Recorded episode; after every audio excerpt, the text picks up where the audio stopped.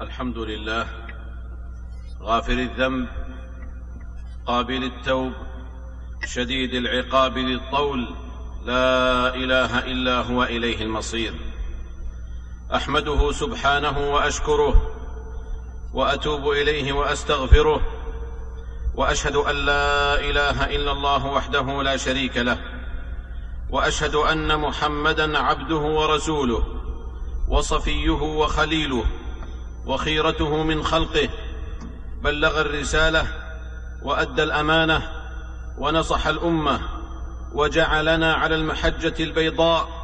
ليلها كنهارها لا يزيغ عنها الا هالك فصلوات الله وسلامه عليه وعلى ال بيته الطيبين الطاهرين وعلى اصحابه الغر الميامين وعلى التابعين ومن تبعهم باحسان الى يوم الدين وسلم تسليما كثيرا اما بعد فان احسن الحديث كتاب الله وخير الهدي هدي محمد صلى الله عليه وسلم وشر الامور محدثاتها وكل محدثه بدعه وكل بدعه ضلاله الا وان تقوى الله زاد كل راج ووازع كل خائف بها يرزق المرء من حيث لا يحتسب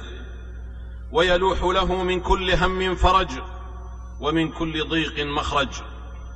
الا ان اولياء الله لا خوف عليهم ولا هم يحزنون الذين امنوا وكانوا يتقون ايها المسلمون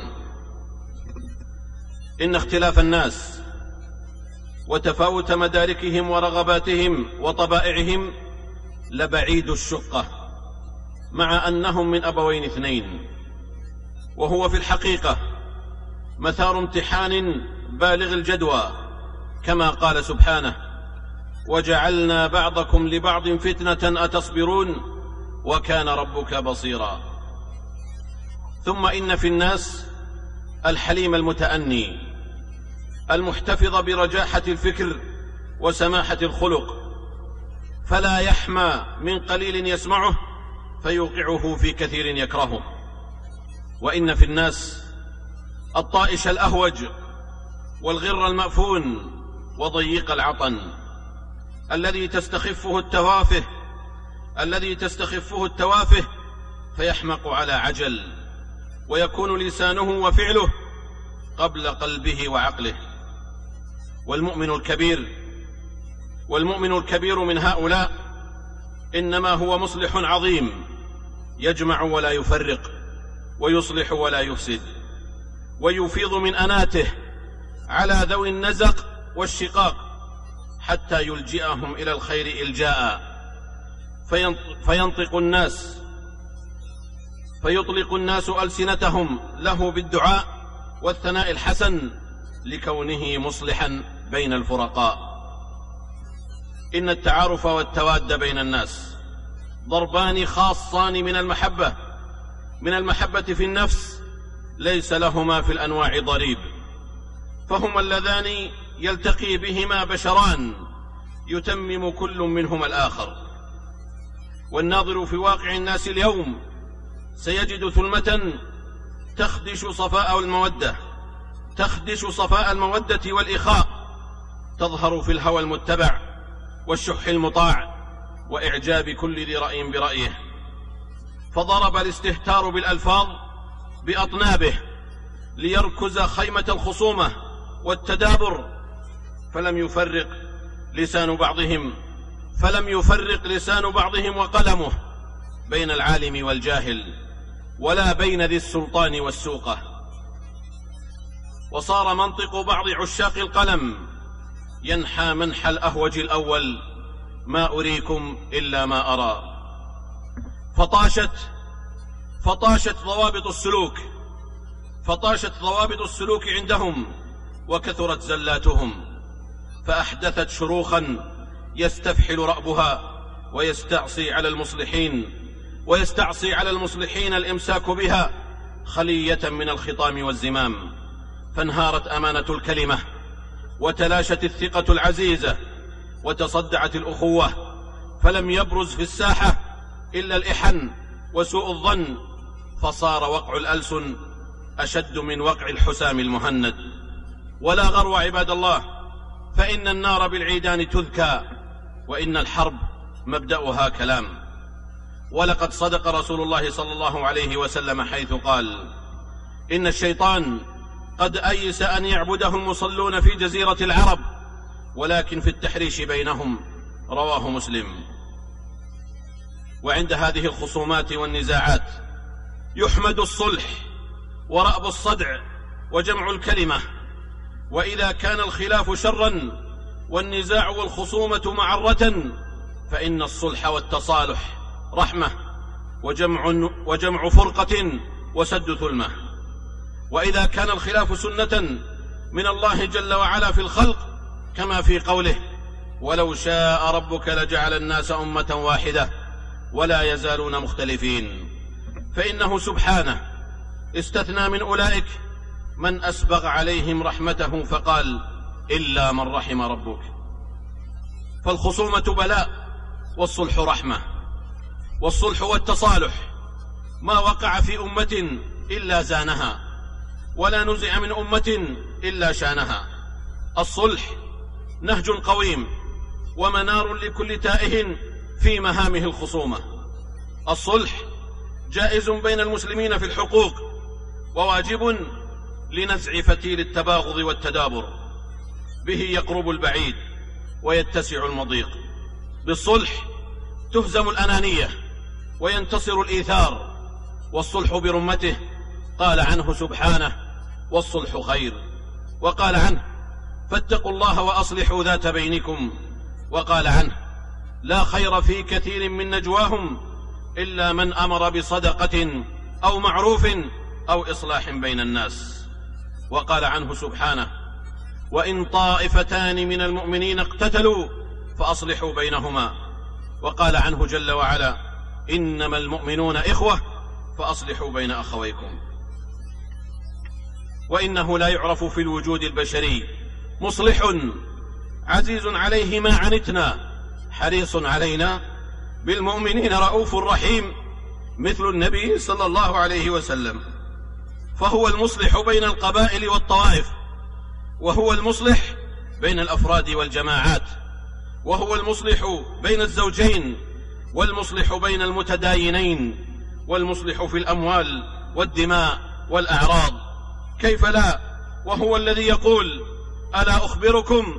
بأفضل من درجة الصيام والصلاة والصدقة قالوا بلى قال صلاح ذات البين فإن فساد ذات البين هي الحالقة رواه أبو داود والترمذي وعن سهل بن سعد رضي الله عنه أن أهل قباء اقتتلوا حتى تراموا بالحجارة فأخبر رسول الله صلى الله عليه وسلم بذلك فقال اذهبوا بنا نصلح بينهم رواه البخاري وبئس الخصمان وبئس الخصمان اللذان يستكبران أن يصلح بينهما رسول الهدى صلوات الله وسلامه عليه والله جل وعلا يقول فلا وربك لا يؤمنون حتى يحكموك فيما شجر بينهم ثم لا يجدوا في أنفسهم حرجا مما قضيت ويسلموا تسليما وبعد يا رعاكم الله فإن الصلح سبب المودة ومحو للقطيعة والصلح قد يكون خيرا من فض الخصومة قضائيا لما يورثه من الشحناء من خلال ثبوت الحكم لأحد المتخاصمين دون الآخر وقد كتب, وقد كتب عمر بن الخطاب رضي الله تعالى عنه إلى أبي موسى الأشعري يقول له رد الخصوم حتى يصطلحوا فإن فصل القضاء يورث بينهم الضغانة في الصلح عباد الله إذكاء لخصلة العفو والتسامح وهو علامة التماسك الاجتماعي المحمود بالصلح تقل المحاكمات بالصلح تقل المحاكمات ويقضى على الأزمات بالصلح يرفع الفهم الخاطئ بإحلال الفهم الصحيح وبالصلح يعظم الأجر ويمحى الوزر بالصلح بين المتخاصمين يصلح حال الأسرة التي يصلح بسببها المجتمع ثم الأمة بأسرها ولن يتأتى ذلك كله إلا إذا وجد العزم الصادق والنية الخالصة في الإصلاح من قبل المصلح والمتخاصمين جميعا لأن الله جل وعلا علق تمام التوفيق في الإصلاح بحسن الاراده كما قال سبحانه ان يريدا اصلاحا يوفق الله بينهما ومفهوم المخالفه في ذلك انه اذا لم تكن اراده الاصلاح حاضره لدى المصلح والمتخاصمين فشتان ما بينهم وبين التوفيق وقد تقدم للحسن البصري رحمه الله خصمان من ثقيف فقال الحسن وانتما ايضا في أسنانكما وقرابتكما تختصمان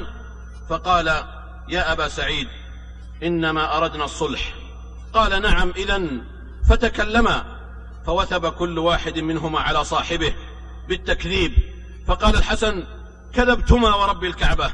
ما الصلح أردتما لأن الله جل وعلا يقول إن يريدا إصلاحا يوفق الله بينهما ألا فاتقوا الله عباد الله ألا فاتقوا الله عباد الله وكفى خصومات وتدابرا لا سيما فيما هو من تفاهات الأمور واستفسافها فمن عفا وأصلح فأجره على الله إنه لا يحب الظالمين بارك الله لي ولكم في القرآن العظيم ونفعني وإياكم بما فيه من الآيات والذكر الحكيم قد قلت ما قلت إن صوابا فمن الله وإن خطأ فمن نفسي والشيطان وأستغفر الله إنه كان غفارا الحمد لله رب العالمين والصلاه والسلام على اشرف الانبياء والمرسلين اما بعد فان الاسره المسلمه اصل المجتمع المسلم وصوره المجتمع الكليه انما هي ترجمان لواقع الاسره فاذا دب في الاسره روح الخلاف والتنازع والخصومه فان التشتت لها وللمجتمع ما منه بد ويتأكد الأمر في حق الزوجين لأنهما أس الأسرة ثم إن المترقب لواقع مجتمعه ليرى بعين قلبه ورأسه ما تعانيه الحياة الزوجية من تفكك لدى كثير من الأزواج كل ذلك بأتفه الأسباب فقد تطلق المرأة في نقصان ملح أو قفل باب فتطلق حينها عدد نجوم السماء حيث أعملت السلطة وأهملت الحكمة والعاطفة والعكس صحيح أيضا وربما كان لتدخل الأهل والأقارب إذكاء لروح الخلاف والخصام فتؤتى البيوت من ظهورها وينزع ستارها ويهتك حجابها ومن المعلوم بداهة أن الله سبحانه وتعالى لم يخلق الزوجين بطباع واحدة ومن يظن ذلك فهو يعيش في أوهام لأنه لا يمكن البتة أن يفكر أحدهما بعقل الآخر أو يحس بقلب الآخر فكل له عقل يفكر به وقلب يحس به ثم إن ارتقاب الراحة التامة المطلقة بين الزوجين إنما هو نوع وهم إلا من رحم الله لذا كان من العقل توطين النفس على بعض المضايقات فالكمال لله وحده وكان لزاما على المجتمعات المسلمة أيضا أن ترعى جانب الأسرة وأن تدرك أن الوضع الأسري مرتع خصب للخلاف والخصومة كيف لا والنبي صلى الله عليه وسلم يقول إن إبليس يضع عرشه على الماء ثم يبعث سراياه فأدناهم منه منزلة أعظمهم فتنة يجيء أحدهم فيقول فعلت كذا وكذا فيقول ما صنعت شيئا ثم يجيء احدهم فيقول ما تركته حتى فرقت بينه وبين امراته فيدنيه منه ويقول نعم انت فيلتزمه رواه مسلم وقد حثنا ديننا الحنيف على الاصلاح بين الازواج وراب صدع البيت المسلم حتى لا ينهار فيهتز كيان المجتمع برمته ولذا قال الله سبحانه وإن خفتم شقاق بينهما فابعثوا حكما من أهله وحكما من أهلها إن يريدا إصلاحا يوفق الله بينهما إن الله كان عليما خبيرا وقال سبحانه وإن امرأة خافت من بعلها نشوزا أو إعراضا فلا جناح عليهما أن يصلحا بينهما صلحا والصلح خير ولقد, ولقد كان من حرص الشارع الحكيم على الصلح ونزع فتيل الخصومه أن أباح شيئا من الكذب في سبيل الإصلاح وجمع الكلمة فقد قال صلى الله عليه وسلم ليس الكذاب الذي يصلح بين الناس ويقول خيرا أو ينمي خيرا متفق عليه والمقصود بالكذب هنا ذكر ما يكون سببا في الاجتماع وتأليفا للقلوب فلله فلله ما أجمل الكذب في الإصلاح ولله ما أقبح الصدق في الإفساد ولله ما أقبح الرجل حلو اللسان خراب الجنان قلبه أمر من الصبر قال الله عنه وعن أمثاله ومن الناس من يعجبك قوله في الحياة الدنيا ويشهد الله على ما في قلبه وهو ألد الخصام وإذا تولى سعى في الأرض ليفسد فيها ويهلك الحرث والنسل والله لا يحب الفساد وإذا قيل له اتق الله وإذا قيل له اتق الله أخذته العزة بالإثم فحسبه جهنم ولبئس المهاد هذا وصلوا رحمكم الله على خير البرية وأزكى البشرية محمد بن عبد الله بن عبد المطلب صاحب الحوض والشفاعة فقد أمركم الله بأمر بدأ فيه بنفسه وثنى بملائكته المسبحة بقدسه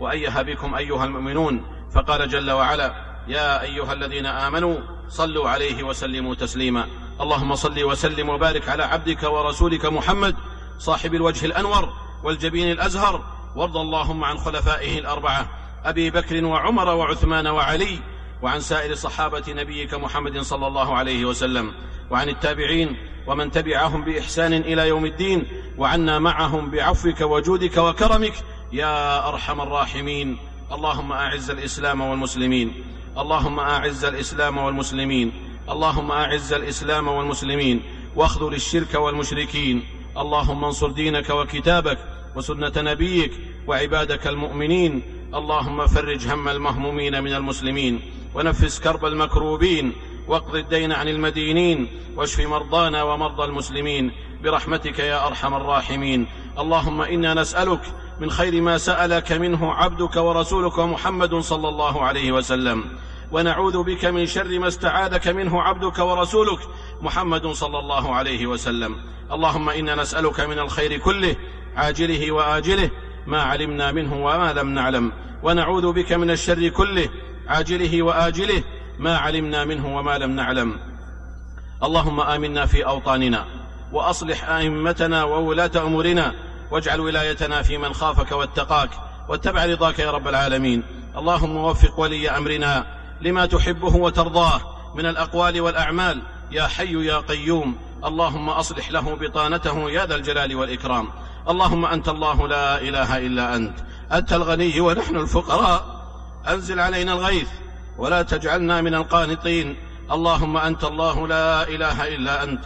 انت الغني ونحن الفقراء انزل علينا الغيث ولا تجعلنا من القانطين اللهم انزل علينا الغيث ولا تجعلنا من القانطين اللهم لا تحرمنا خير ما عندك بشر ما عندنا يا ذا الجلال والإكرام اللهم اجعل ما أنزلته علينا بلاغا لنا ومتاعا إلى حين برحمتك يا أرحم الراحمين سبحان ربنا رب العزة عما يصفون وسلام على المرسلين وآخر دعوانا أن الحمد لله رب العالمين